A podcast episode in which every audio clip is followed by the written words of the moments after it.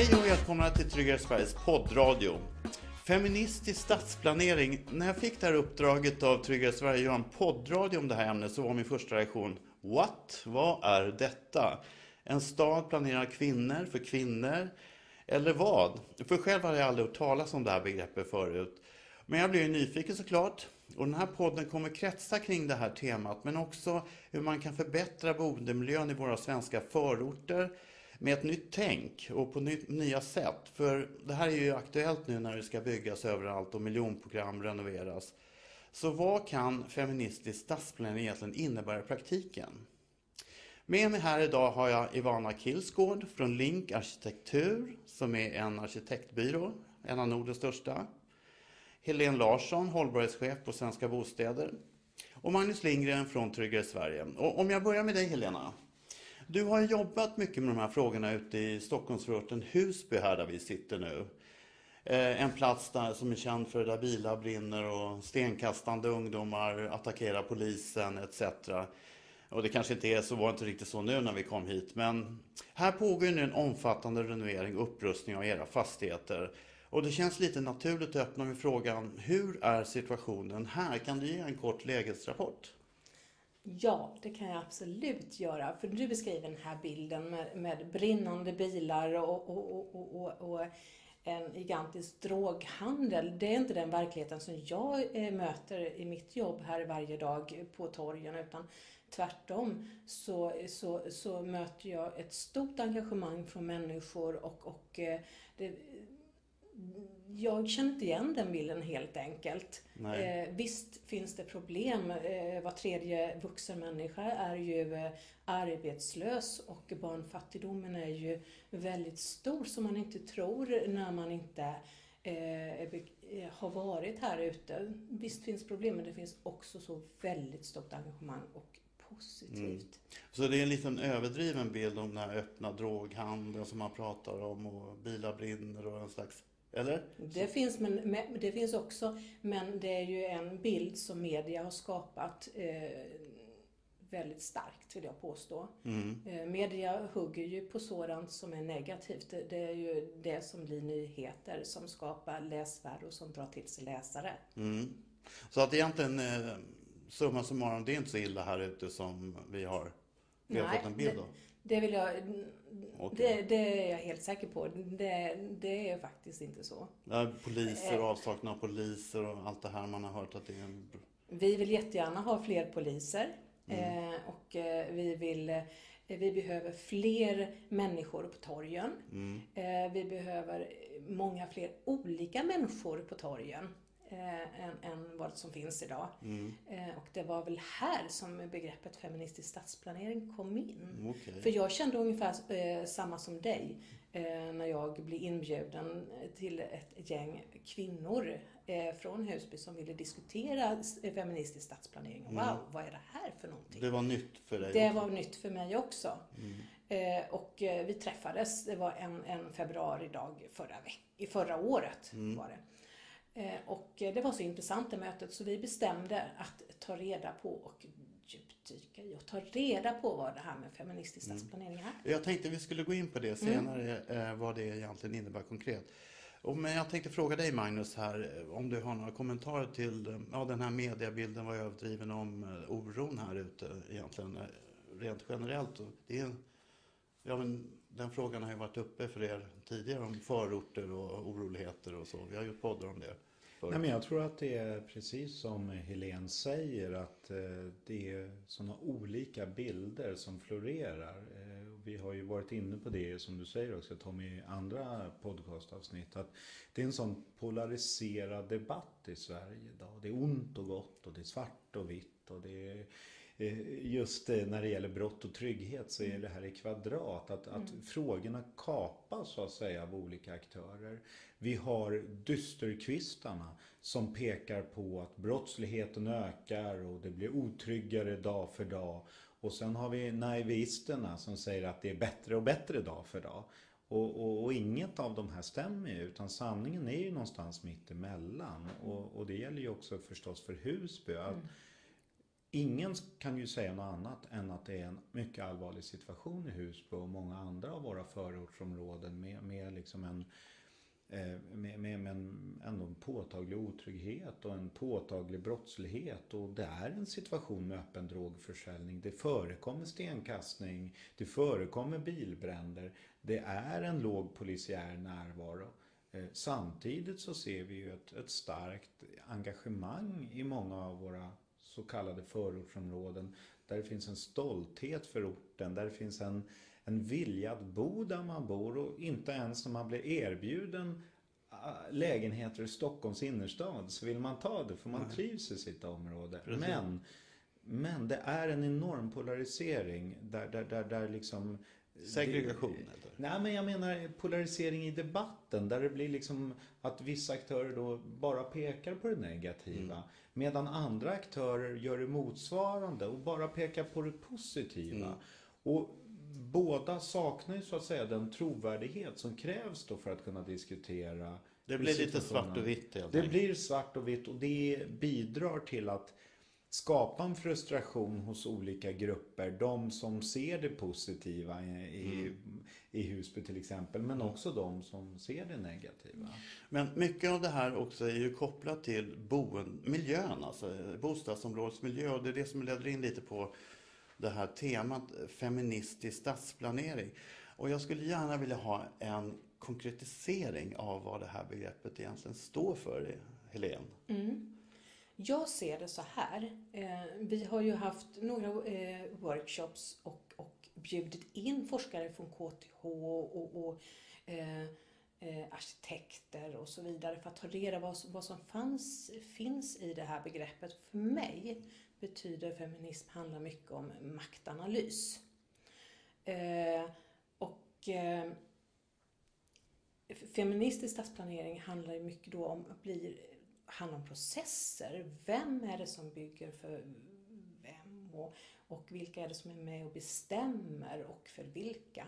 För mig blir det eh, att feminism handlar om att, att fördela makten på fler personer. Man går bort från det här pyramidala, patriarkala systemet när det är en i toppen som bestämmer, eller bara några få, till att fördela makten på flera. Och hur gör man då det? Ett, ett område som Husby? Jo, man måste bjuda in människor att vara delaktiga i och, och medskapande i sitt område. Så här pågår en feministisk eh, stadsplanering så att säga? Ja, bygge. det vill jag påstå att det gör mm. eh, eh, i och med att, att vi kommer att rusta eh, de eh, offentliga ytorna bjuda in boende i, inte bara i en dialog utan faktiskt de facto vara medskapande och vara med i själva arbetsprocessen. Mm. Eh, så ser jag att, att eh, det är, är utifrån ett feministiskt perspektiv så. Men det är mycket processer du pratar om så för att få fram det här och tänka, alltså att sprida beslutsfattandet bredare ner, eller? Ja, att, att, att, att fördela makten mm. på fler personer helt Precis. enkelt. Mm. Eh, att, att, att få människor att vara medskapande, att, att man ska känna att man, att man eh, kan påverka. påverka sitt område. Ja. Mm. Och påverka, ja just påverka, det är ett viktigt ord. Om jag går till dig, vänder mig till dig Ivana, som är arkitekt men också hållbarhetsansvarig. Du jobbar ju med hållbarhetsfrågor. Eh, hur ser du som arkitekt på det här begreppet? Vad ligger i det för dig? Ja, det är en bra fråga. Det, jag kan säga att jag personligen tycker att det är ett väldigt känsligt ämne. Så fort man lyfter det här feministiska perspektivet får man lite ögonbryn uppe. Och det är lite, aha, men hur tänker ni feministiskt? Ska det inte vara också för män och så? Och jag tror att den ämnet är väldigt kontroversiellt och att man eh, är lite rädd för att prata om de här frågorna. Men egentligen det handlar om att till slut det ska vara eh, våra utemiljöer och även bostäder mm. och områden som vi skapar, mm. byggnader som vi skapar, det ska vara för alla. Mm. mm. Så det är inte eh, exkludera männen? Absolut inte. Men det som, är, som blir bra på, för kvinnor blir också bra för män och mm. andra i samhället. Men vad är, kan du ge några exempel konkret? Hur säga att eh, ja. feministiskt stadsplan torg till exempel? Ja, eller torg eller till exempel, jag, jag var lite nyfiken innan den här podden och läste lite vad händer mm. internationellt och så. Och sen insåg jag att det faktiskt finns ganska mycket som händer utomlands. Mm. Eh, och med konkreta exempel. Om man tittar, tittar på eh, eh, hur eh, till exempel en kvinna tar hand om barn. Man går hem. Det är lika väl också i Sverige som män gör.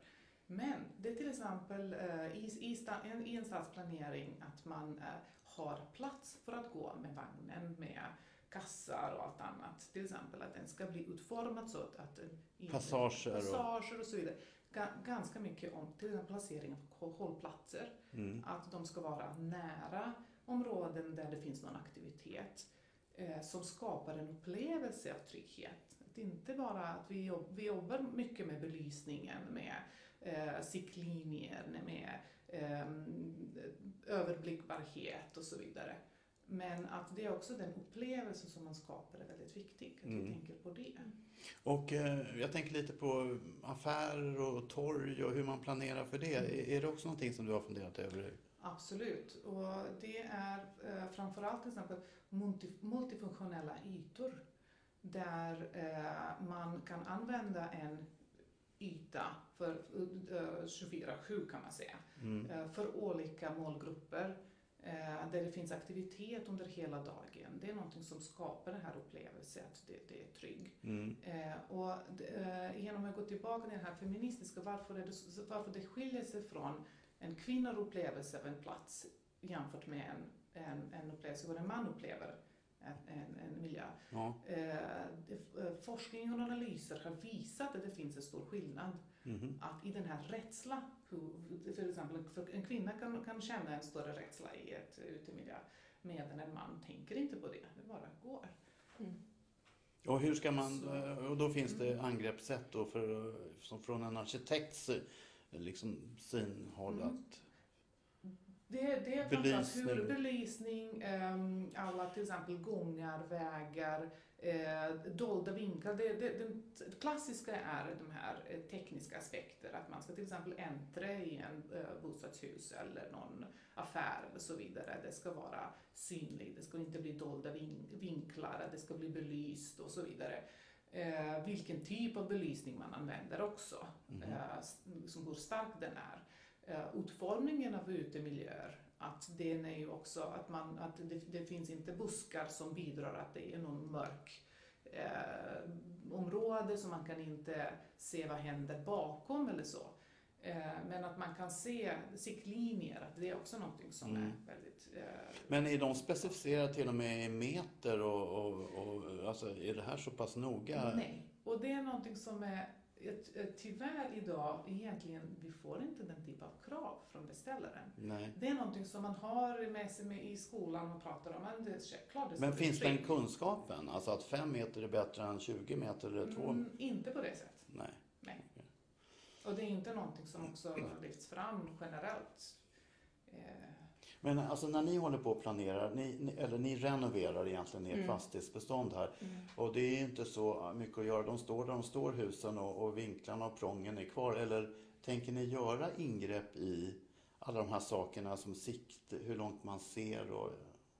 Absolut, men trygghetsfrågorna är ju väldigt centrala i, i, när vi rustar vårt, våra områden här i Mm. Vi rustar ju hela vårt miljonprogram här på Järva. Det är 5200 lägenheter och jag tror att vi har någonting över, något strax över 2000 lägenheter. Jo, men är det här tänket med implementerat? Absolut. Trygghetsfrågorna, belysning och, och, det, och tillgänglighetsfrågorna, är ju väldigt centralt. Mm. Det är Intressant. viktigt. Jag tänkte vända mig till dig Magnus. Magnus, du pratar ofta om hur man programmerar platser och hur man laddar dem eh, och, och får dem till eh, det man vill så att säga genom olika insatser. Skulle du kunna utveckla det lite i ett sånt här bostadsområde?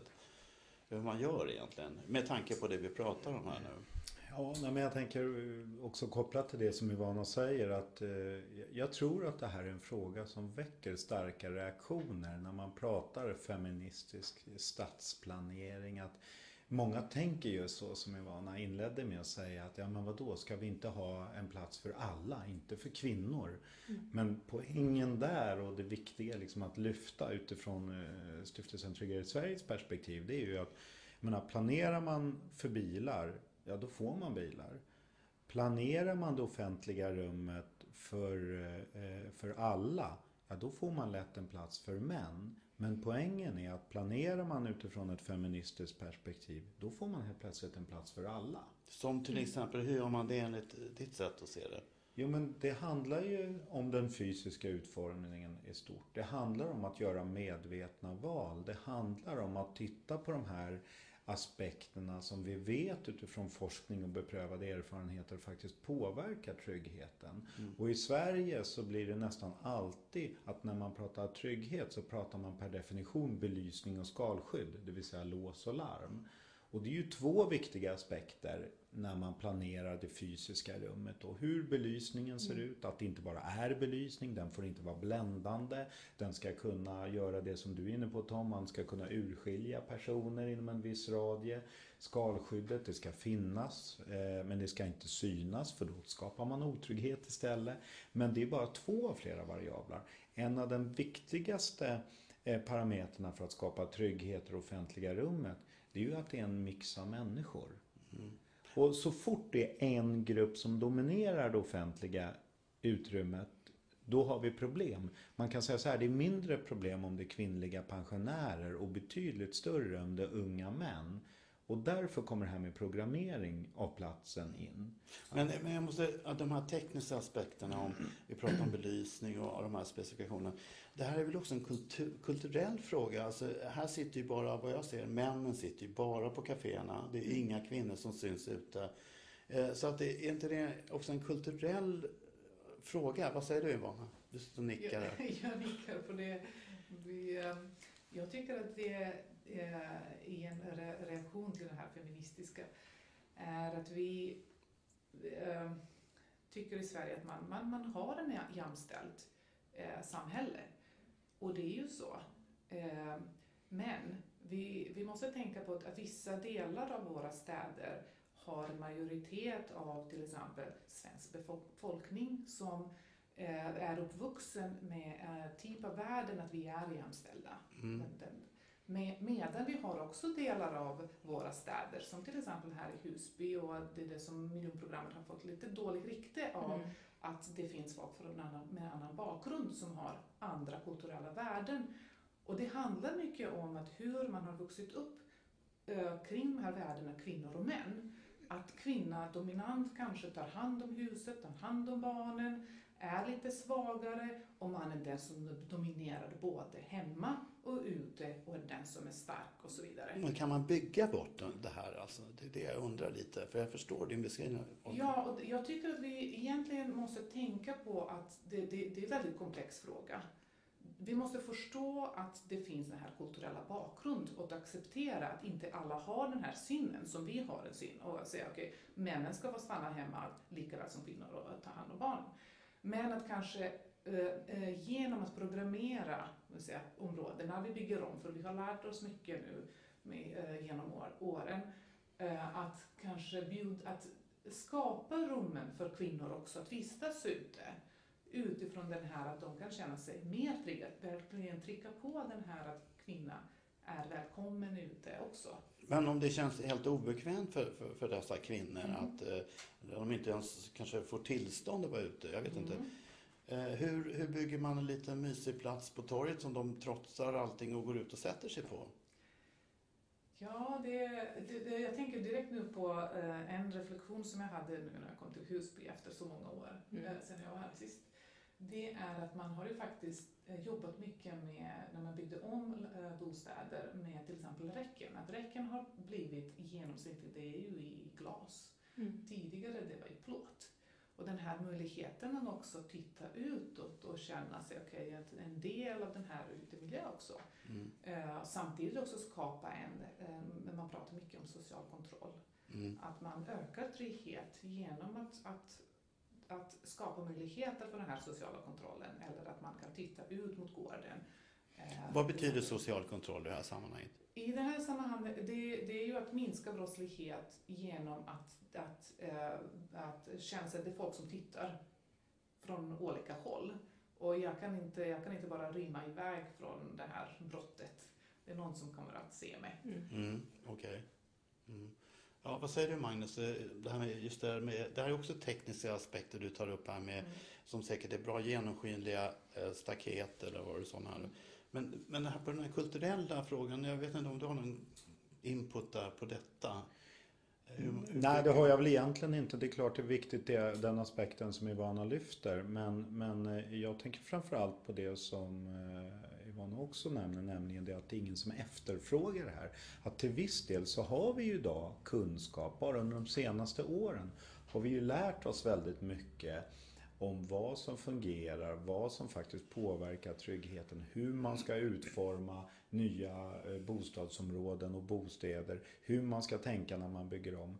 Men så länge ingen efterfrågar det här så är det kanske inte arkitektkontoren som kommer gå i bräschen. Så länge det här är inte inne på ett tydligt sätt i utbildningarna så har man heller inte det med sig. Så alltså beställaren? Ja, beställarkompetensen måste ju bli bättre. Man måste efterfråga att man inte bara tänker eh, snygghet utan att man också tänker trygghet. För att här handlar det om att det finns mängder av krav på hur man ska bygga. Mm. Man ska ta hänsyn till miljöaspekter, till brandaspekter, till tillgänglighetsaspekter, till trafikaspekter. Problemet är när det kommer till trygghetsfrågor och brottsförebyggande frågor, då är det fritt valt. För det står ingenstans i plan och bygglagen att man måste beakta det här, att man ska bygga på ett visst sätt. Och då blir problemet att man gör lätt som man alltid har gjort. Och då är risken att man bygger in brottsligheten och otryggheten när man producerar nya bostadsområden och bostäder. Och att man heller inte har med sig det här perspektivet när man bygger om. Så här vill ju vi se att, att kommuner, att andra beställare har med sig de här vid kravspecifikationer. Så man tvingar faktiskt arkitektkontoren till exempel att rita på det här sättet. Men, men Helena, du, ni är beställare, eller hur? Mm. Så ni, ni, det är egentligen eh, har ni levererat ut det här till eh, de som ska utforma det här i konkret, arkitekterna till exempel, den här spesen med, med allting? Som... Det kan inte jag svara på för, för så sitter inte jag och beställer. Jag jobbar ju mer med, med hållbar, social hållbarhet. Ja. Men jag skulle vilja kommentera på det här med det kulturella som du eh, pratar om. Ja. Eh, eh, jag har bara en liten mobil som ringer här hela tiden. Du måste, måste stänga av dem för de stör enormt där. För det tycker jag är intressant. Mm. För jag, det är klart att jag funderar över det också. Mm. Men det som jag tycker är, är, är, lite härligt är att, att, att man ska veta att kultur är inte någonting statiskt. Eh, kultur är någonting dynamiskt, någonting som förändras hela tiden. Och när man jobbar eh, i ett område som Husby och andra förorter så ser man att vi bygger ju faktiskt en kultur tillsammans. Och jag tror att precis alla kulturer tjänar på jämställdhet. Det är därför jag tycker det är så bra att feminism är ett bra verktyg. För att du har sagt till mig tidigare när vi pratade ja. att det är väldigt många som är engagerade här i Husby. Mm. När ni gör varje förändring ni ska göra eller diskutera så är det fullt i, i Folkets hus. Heter ja. så? Eh, och det är kvinnor där också. För delaktigheten är också en viktig ja, grej. Ja, absolut. Vi, det, det, finns jättestort engagemang och jag måste säga så här att jag ser integrationen varje dag. För vi bygger, rustar ju miljonprogrammet i samråd med våra boende. Mm. Och efter varje samråd eh, som faktiskt också visat sig att i de här samråden som består av sex, åtta personer är det flest kvinnor som är med. Eh, de avslutas med en omröstning eh, och då bjuder man in alla boende i, för att ta ställning till samrådsgruppens förslag till upprustning. Och då är det faktiskt ett demokratiskt val och många som kommer, som, som bor här i Husby, de kommer från icke-demokratisk eh, nationer. Och eh, det är det första demokratiska valet som de är med i. Då, då får de rösta ja eller nej till samrådsgruppens förslag. Mm. Och och det är väldigt noga, man blir avprickad på en lista och man får legitimera sig. Ge, ge några exempel på vad man får ta ställning till, vad är man får rösta till rent konkret om man tänker på den här planeringen? Man träffas under ungefär tre månader. Eh, och då så går man igenom lägenheten, de allmänna utrymmena och eh, gårdens utformning. Och då kan arkitekten vara med och eh, förvaltning och projektledare och tillsammans går man igenom eh, eh, eh ett, ett, ett, ett slags upp vad man vill göra. Och man kan också påverka hyressättningen. Och det är ju väldigt positivt för i de här områdena är man är väldigt orolig för att få höjda, eh, för höga hyror. Och det kan man ju förstå när var tredje person är arbetslös eh, att man är väldigt känslig så för mm. Eh, På tal om det, ja. jag tänkte bara säga att den här trivselnivån verkar ju väldigt hög. För det var väldigt få som vill flytta härifrån. Eh, ja. Det, det kan jag berätta Absolut. Om. Eh, vi skulle rusta, det var i, i 2008 tror jag. Och vi lag, la fram en plan som innefattar att vi skulle riva några hus. Och de som bodde i de här husen, de fick som erbjudande att få 100 år i Storstockholms bostadskö. Och då vet ju vi som bor i Stockholm att 100 år, 100 år i bostadskön, det är ju hur bra som helst. Du kan få en lägenhet eh, Alltså ja. de, de fick förtur menar du? Eller ja, om du har 100 år i bostadskön, mm. då kan du få en lägenhet precis var du vill. Men eh, det var knappt ingen som nappade på det. För att man ville bo kvar i Husby. Jag tror att det var tre stycken av ett hundratal som faktiskt valde att flytta in i, i eh, i city. Eh, så att eh, det är inte som man tror riktigt att folk vill fly från Husby. Verkligen. Folk trivs här och, och folk har bott här länge och det är härligt att berätta, höras berättas hur det var här för 40 år sedan när det byggdes. Mm. Men ni verkar ju vara en, en beställare som har förstått det här. Det låter ju på det och ni har samråd och delaktighet. Men från arkitektsidan, hur ofta känner ni att beställaren har tänkt i de här banorna? Det är en jättebra fråga. Mm. och det är precis någonting som jag reflekterar nu när du pratar om det här med eh, upprustningen. Eh, jag tror det finns väldigt stor skillnad i en befintlig område där man kan gå ut och identifiera lätt, okej okay, vad kan vi göra? Mm. Vilka typer av förbättringar vi kan göra, vilka åtgärder och så vidare. Och vad är det som skapar problem? Mm.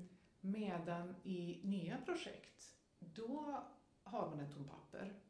Arkitektens roll är liksom, man har en nyckelroll i att forma en stadsdel, mm. en byggnad. Och då finns väldigt många parametrar som man jobbar med. Eh, det är programmet från beställaren, det är ju olika eh, krav både från beställaren, från kommunen, från eh, landstinget och så vidare som man måste förhålla sig till. Och då trygghetsfrågor tyvärr är inte de som ligger först upp. Eh, i, idag har vi också ganska stor krav när det gäller Men kan inte ni från arkitekter lyfta fram de här frågorna? Eller, på, eller ja, gör man inte? och det är någonting som vi nu, jag tycker den här typen av dialog och debatt mm, är mm, fantastiskt mm, bra. Mm. För det har ju väckt våra ögon. Mm. Och vi har kommit i kontakt med stiftelsen Tryggare Sverige och började prata med dem och vi hade ett seminarium hos oss.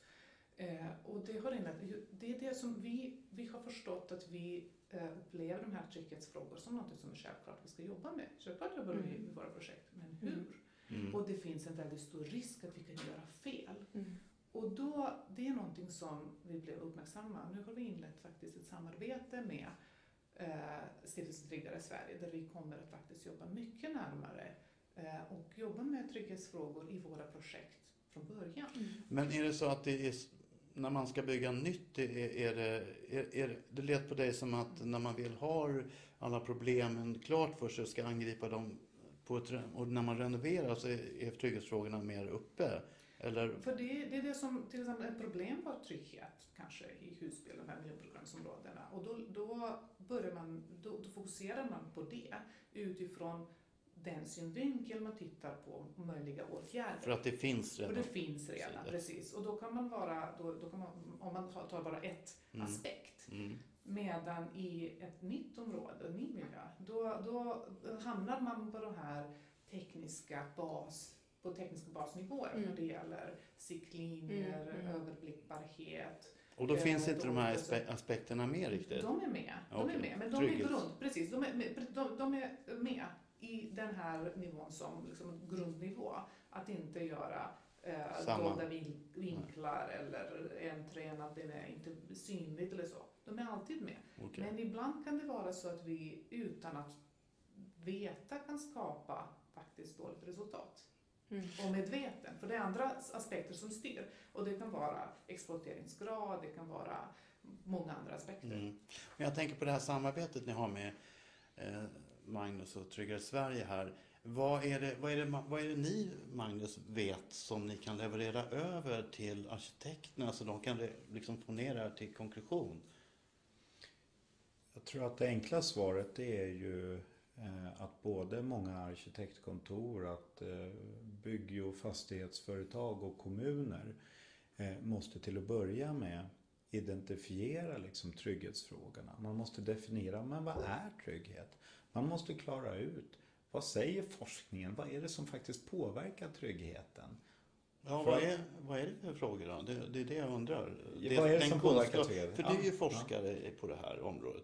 Vad är det för faktorer? Som... Ja, vi har ju ledande urbanvetare och forskare hos oss och, och det som påverkar tryggheten är ju förutom det här traditionella då som man lyfter som vi nämnde tidigare om belysning och skalskydd eh, eh, framförallt om människor men en mix av människor. Det handlar om att det ska finnas olika funktioner, olika typer av byggnader, olika typer eh, av, av områden i, i, i en stad. Alltså länge så, man kan ju säga så här att i 5000 år så byggde vi rätt. Generation lärde sig från generation. Vi byggde småskaligt. Vi byggde integrerat. Vi byggde öppna framsidor med offentliga utrymmen och stängda baksidor som vette mot det privata. Problemet var ju när man byggde Husby, när man byggde andra av våra miljonprogramsområden på 60-70-talet, när vi precis som nu då 2016 ska producera många nya bostäder på kort tid, så blev det fel. Man vände upp och ner på många av de här gamla kunskaperna. Så istället för småskaligt så byggde vi storskaligt. Istället för integrerat så byggde vi ABC-städerna. Så man bodde på en plats, man handlade på en annan och man arbetade på en tredje. Alltså ingen, ingen mix då av funktioner.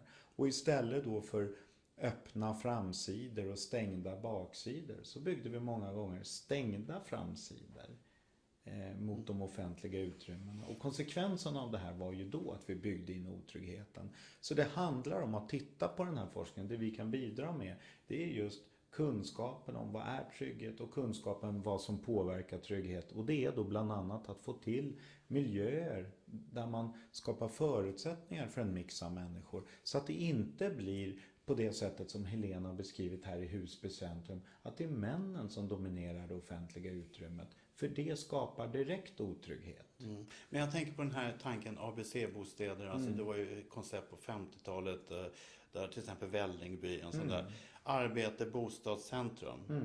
Där allting, det är väl inget fel i den tanken egentligen? Eller är det det, menar du att? Ja, alltså ABC-städerna handlade ju om att man bodde på en plats i första hand och man, man, man, separerade. Det var ju inte integrerat som det var tidigare i städerna. Men det var man liksom av- både av- jobbade och bodde och handlade. Och det är ju det man ska sträva Men det efter. skulle vara nära. Ja, det var ju det som ABC-städerna skulle vara ganska nära föreskrivet till, till arbete och allt det här. Men var det en fel eh, tanke liksom egentligen? Kan man... Utifrån ett trygghetsperspektiv var det. Vi ser ju sådana exempel även idag när man byggde Silverdal till exempel här i Sollentuna.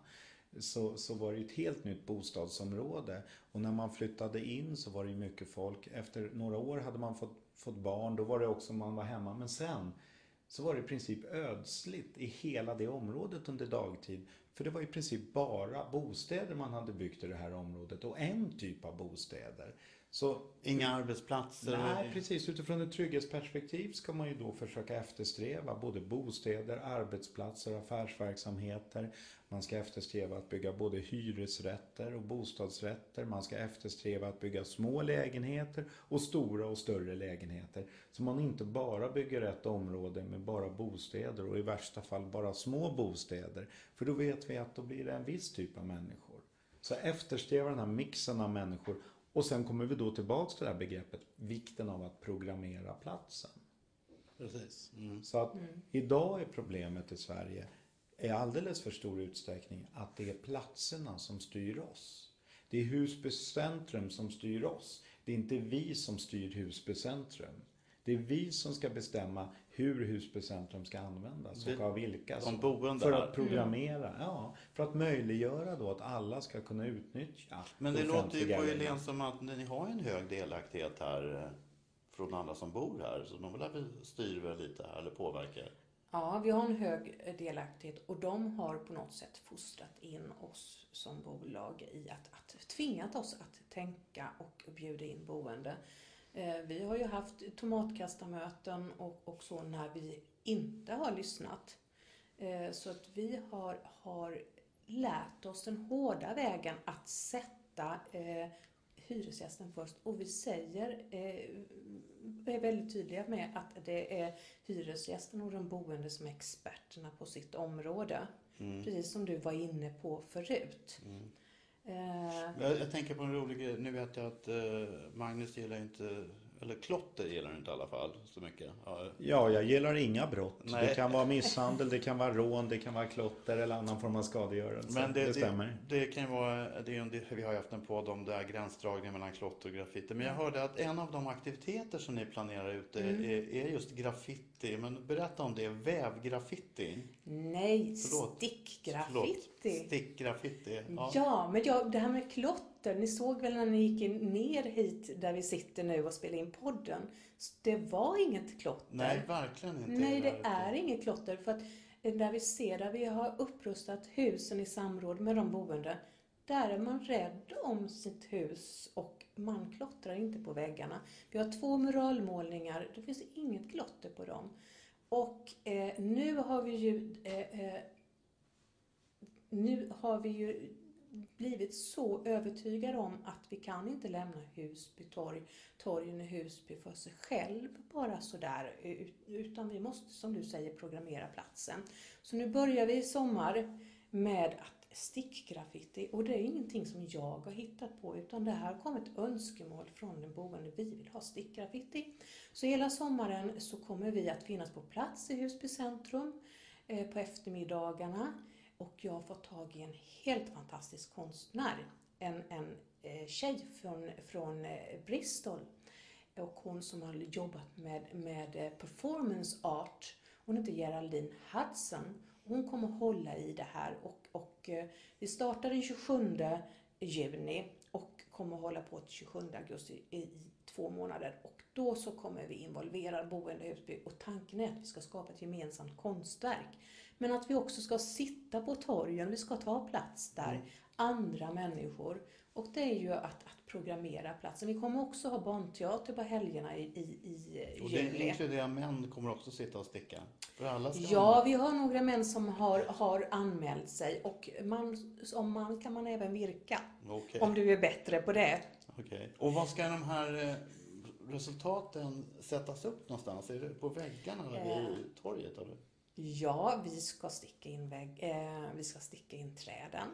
Vi ska även eh, göra byggställningar, för nu är det rörigt i Husby centrum. Vi håller på och, och rusta husen, så vi har ju byggställningar som inte ser roliga ut. De ska vi göra till konstverk naturligtvis. Och hur det här slutar, det vet vi bara inte. Nej. Det ska bli bara spännande. Vernissagen här på Husbyfestivalen 27 augusti. Ja, intressant. Ja. För, för att just det här med om det här är ett utslag då för feministisk stadsplanering eller inte, det vet jag inte riktigt. Men jag tänkte fråga, vad finns det för platser att visa för eh, politiker och beställare hur det skulle kunna se ut? Finns det en, en feministisk stadsplanerat ställe? Ja, det är en bra fråga. Eh, Här eller utomlands? ja, jag tror att det, som jag, så vitt jag vet, eh, i till exempel Wien har man jobbat mycket med eh, den här typen av frågor, eh, feministisk stadsplanering, där de har nu, tror jag, 60 pilotprojekt som genomfördes utifrån de här tankarna att verkligen ha kvinnor, eh, att framförallt att engagera kvinnor och få deras eh, Input. synpunkter och input kring hur de upplever vad är en trygg stad. Men sen det finns också i Tyskland, i Dortmund, en, eh, de har ju faktiskt skapat en handbok med riktlinjer för hur man kan minska brottslighet eller öka trygghet och skapa trygga miljöer. Under parollen feministisk stadsplanering eller? Jo, det kom från det, men det är precis. man okej. kan säga. Egentligen. Så det- Om det, det- blir tryggt för kvinnor, det blir tryggt för alla. Så det, det, begreppet finns verkligen och, och lever? Och, Ja, okej. det finns som i, i Storbritannien, i Kanada finns Toronto-modellen och Mm. det verkar finnas Mm. ganska faktiskt Mm. utomlands och det är framförallt eh, också politiskt eh, ibland styrt. Mm. Jag vet inte, du Magnus vet mycket mer om det än jag. Ja. Men jag kan se, eh, när vi tittar på exempel sådär under våra workshops på eh, feminist stadsplanering så är det ett svenskt, det är ju Rosens röda matta i Malmö, Rosengård till exempel, som är en en yta som är skapad av eh, unga tjejer. Eh, men som också eh, är för alla, som bjuder in, där man har satsat på aktiviteter som eh, basket istället för fotboll som är så vanligt i de här områdena. För basket är, spelar kvinnor i högre grad än fotboll. Eh, och sen har du ju som jag tycker fantastiskt Kilen i, i, i Superkilen i Köpenhamn. Som är ett parkstråk där man har hämtat hem saker från hela världen. Eh, så du kan hitta gatulampor från Iran och du kan hitta bänkar från Kina och det är helt fascinerande att gå där. Men jag måste fråga en dum fråga. Allt det här vackra och härliga om att det, kan man påvisa att brottsligheten faktiskt sjunker och tryggheten ökar, Magnus? Jag måste bara fråga om man ställer det här, för jag låter jättefint, men eh, kan man mäta liksom någon effekt av de här? Ja, om igen, alltså när vi tittar på... Första svaret är ju att man måste definiera vad trygghet är. Problemet är att många gånger gör man bara saker. Man har inte definierat vad är trygghet. Man har inte brytit ner och operationaliserat det. Och man mäter inte heller. Men man gör in i helskotta massa saker. Men problemet är, man har många gånger ingen susning om det man gör har någon som helst effekt Det på det- brottsligheten och otryggheten. Så att det finns ett, ett problem där med att man, det finns en tendens att bara göra men det är mindre vetande. Men däremot så finns det ju utvärderingar. Vi har till exempel ett område i Finland utanför Tammerfors som heter Mutiala. Där sa man redan när man byggde det här området för cirka 15 år sedan att nu ska vi använda den kunskap som finns, för kunskapen finns, för att bygga ett område som är tryggt, med låg brottslighet. Och efter drygt tio år så utvärderar man då det här området Mutiala och kunde se att ja, det var tryggare där än på motsvarande områden. Det var lägre brottslighet. Och på frågan då, var det då dyrare att göra de här medvetna valen när man byggde? Så kunde man konstatera, ja, lite dyrare var det. Men inte särskilt mycket dyrare. Utan det handlar just om att göra medvetna val. Problemet är att de medvetna valen många gånger inte görs idag. Men av alla de här sakerna som du säger, hur man kan inte, man inte riktigt definierar trygghet ofta. eh, Den här, en faktor måste ju vara det här med delaktigheten. Om man tänker just när vi pratar om det här med klotter. Så, så finns det ju inget klotter och uppenbarligen trivs ju folk här. Folk vill inte flytta. Nej. Att det kan ha ett samband att man värnar sin miljö. För du, jag tänker på de här stickgraffitin. Mm. Du, du pratar om att kommer inte de rivas ner och förstöras? Och det trodde inte du. Och, eller hur? Nej, jag tror inte det. Jag, jag, jag har redan varit ute och pratat med våra killar och män på torgen. Och de sa att det här kommer bli eh, så fint. Och de trodde inte det skulle förstöras. Och det här, vill vi, det här kommer ju inte att sitta uppe, men vi ska plocka ner det och spara det i framtiden också. Men Tom, du, du frågade innan vi startade den här inspelningen, jag har suttit och klurat på, som hör liksom ihop lite med det här, Eh, om man kunde bygga eh, så att människor blir lyckliga, eller vad sa du? Ja, men eh, det känns liksom som att eh, feministisk stadsplanering låter som en medialt eh, klart klyschig grej så här. Och jag tänker, kan man verkligen bygga in lyckan när 30% är arbetslösa och man, man liksom eh, har liksom inte så mycket att göra. Så ska man bygga lite klatschiga bostäder och sätta lite färger och lite stick hit och dit. Blir man lycklig av det? Det var liksom mera, eh, jag bara tänkte, är det så lätt egentligen? Nej, men det är inte alls lätt. Så är det inte. Men jag tänker så här, gillar jag, eh, att jag ser husen som en kropp. Eh, där väggarna är ytan och själva kroppen skalet. Människorna är ju själen som finns i huset. Och om du vårdar eh, skalet och själva byggnaden och, och gårdarna runt omkring så tror jag att du, du får större trivsel och du får människor som mår bättre. Om du dessutom erbjuder dem att kunna påverka sitt område så tror jag att, att du, du, du får lyckligare människor. Eh, naturligtvis så, så, så, så, finns, så finns det, är det ju så att, att, att eh, rent psykiskt välbefinnande och, och, och det som man kanske och det här ekonomiska, eh, eh, att människor är arbetslösa, det är ju andra faktorer, som man inte som bostadsbolag men, men, rår på på det sättet. Mm. Förutom att man kan skapa arbeten via social eh, kravställning, upphandling och så vidare. Alltså det är svårt att mäta kanske lycka i ett bostadsområde, mm. jag vet inte om jag gör det, men vad man borde kunna mäta då när ni är klara med det här är väl att ja, men brottslighet och sådana här saker sjunker. Och, mm. Eller vore inte det ganska logiskt? Trivseln ökar, tryggheten höjs. Trygghet går väl att mäta, på, eller hur Magnus? Ja, absolut. Vi Så... har gjort trygghetsmätningar här. Brottsligheten kan man ju titta på både med anmälda brott men framförallt med när man går ut och frågar om boende. Och här finns det ju också teorier som visar just hur, om inte skapa lyckligare människor så i vart fall människor som drabbas av brott i mindre utsträckning och som känner sig trygga. Och den teoretiska bakgrunden till det är ju den så kallade broken windows-teorin. Som då säger att är det en bra förvaltning i ett område där trasiga lampor och sönderslagna fönster och klotter saneras och lagas. Jag menar, eh, då, då, då blir det en större trygghet och det ökar den sociala kontrollen. Men motsatsvis, det är det som är det allvarliga. Är det ett område där det inte är en god förvaltning och där trasiga fönster och lampor och klotter inte saneras och lagas. Ja, det leder ju till då att vissa människor får uppfattningen att det är otryggt på den platsen och man drar sig då för att vistas. Och när, när, när olika grupper då drar sig från att vistas i det offentliga utrymmet då har vi ju snart en situation att det är en grupp som dominerar det offentliga utrymmet. Då är det en låg social kontroll. Mm. Och det som sker när det är en låg social kontroll det är att förutsättningarna att begå brott ökar. Så då ökar brottsligheten.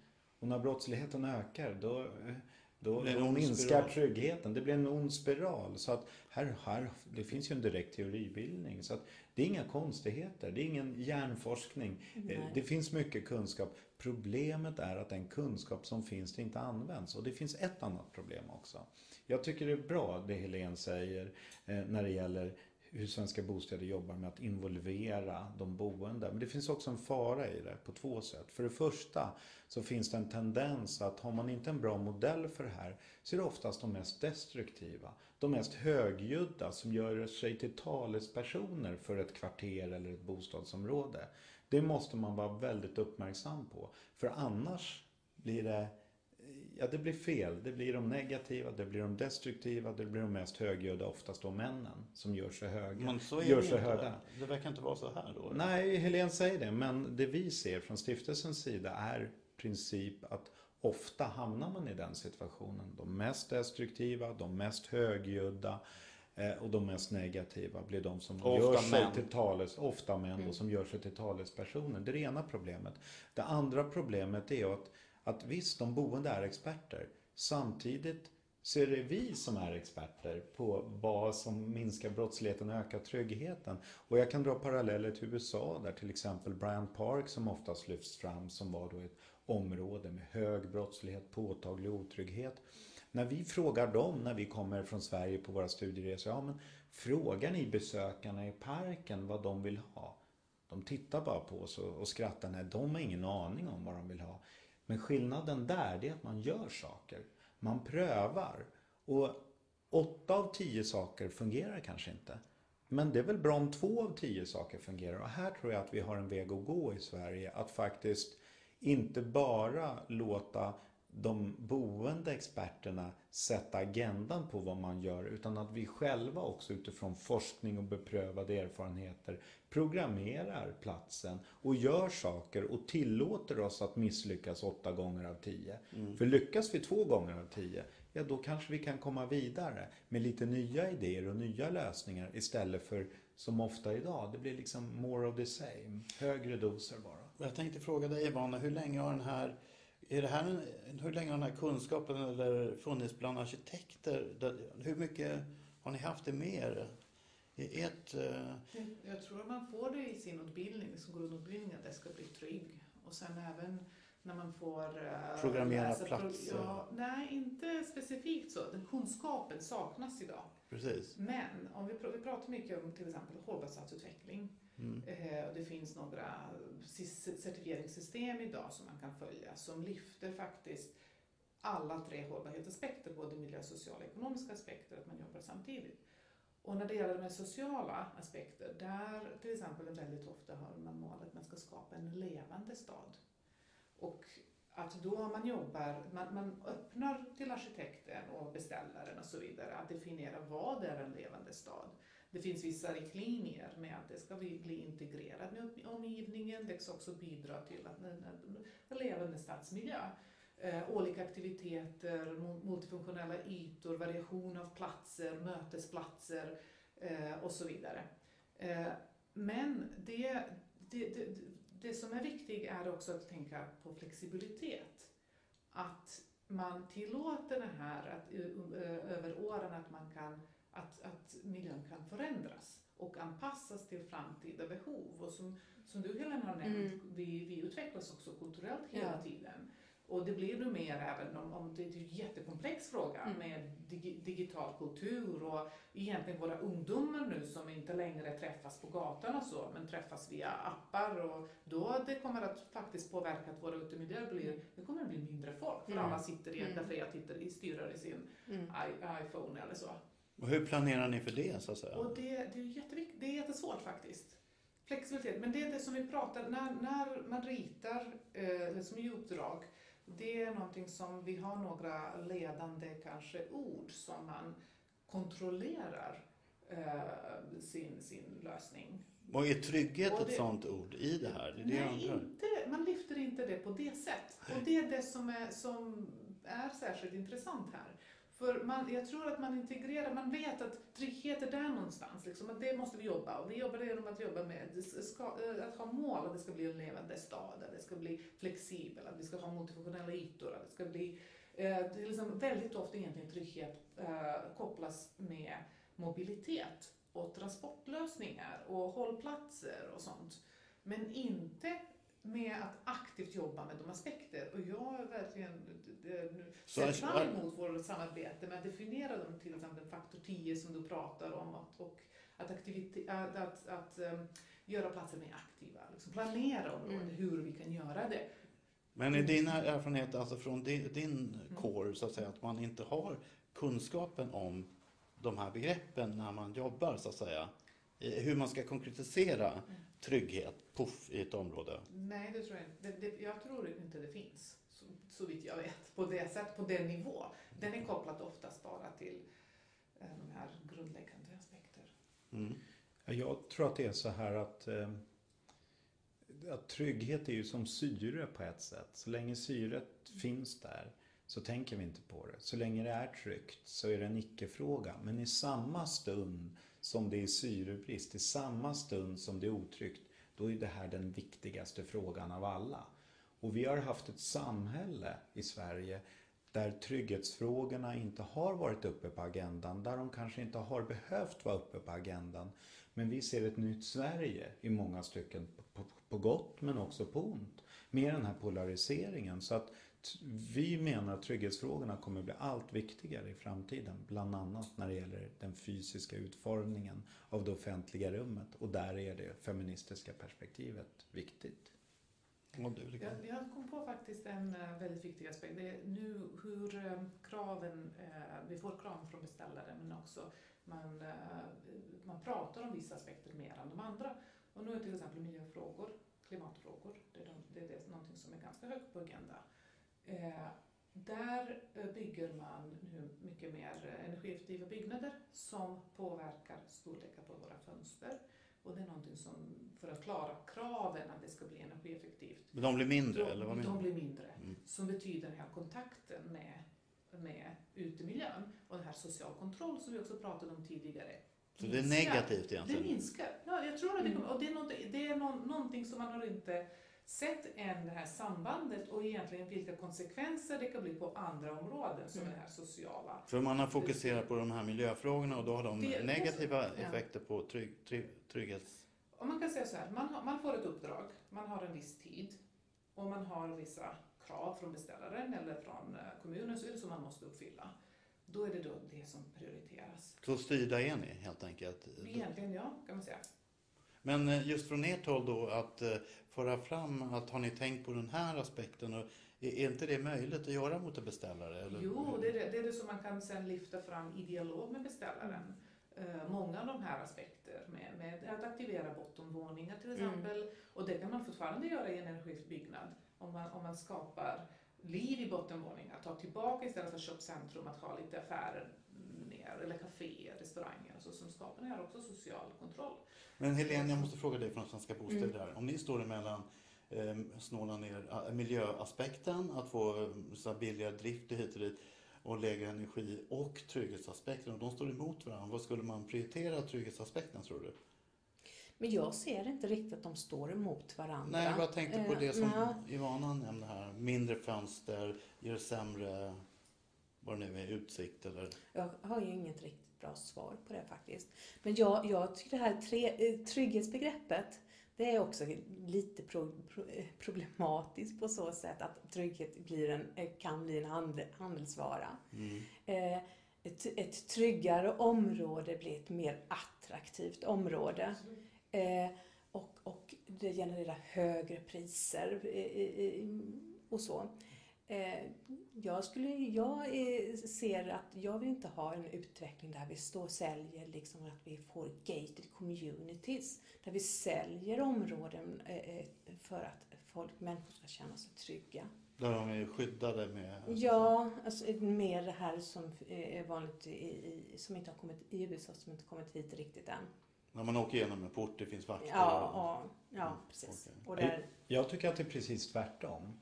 Att sättet, det enda sättet att motverka den efterfrågan som Mm. finns idag och som ökar idag på gated communities. Det är just att be, be, beakta trygghetsfrågorna i befintliga miljöer och när man producerar nya. Alltså, annars så går vi mot en utveckling mot gated communities. Så jag tror att det är precis tvärtom egentligen.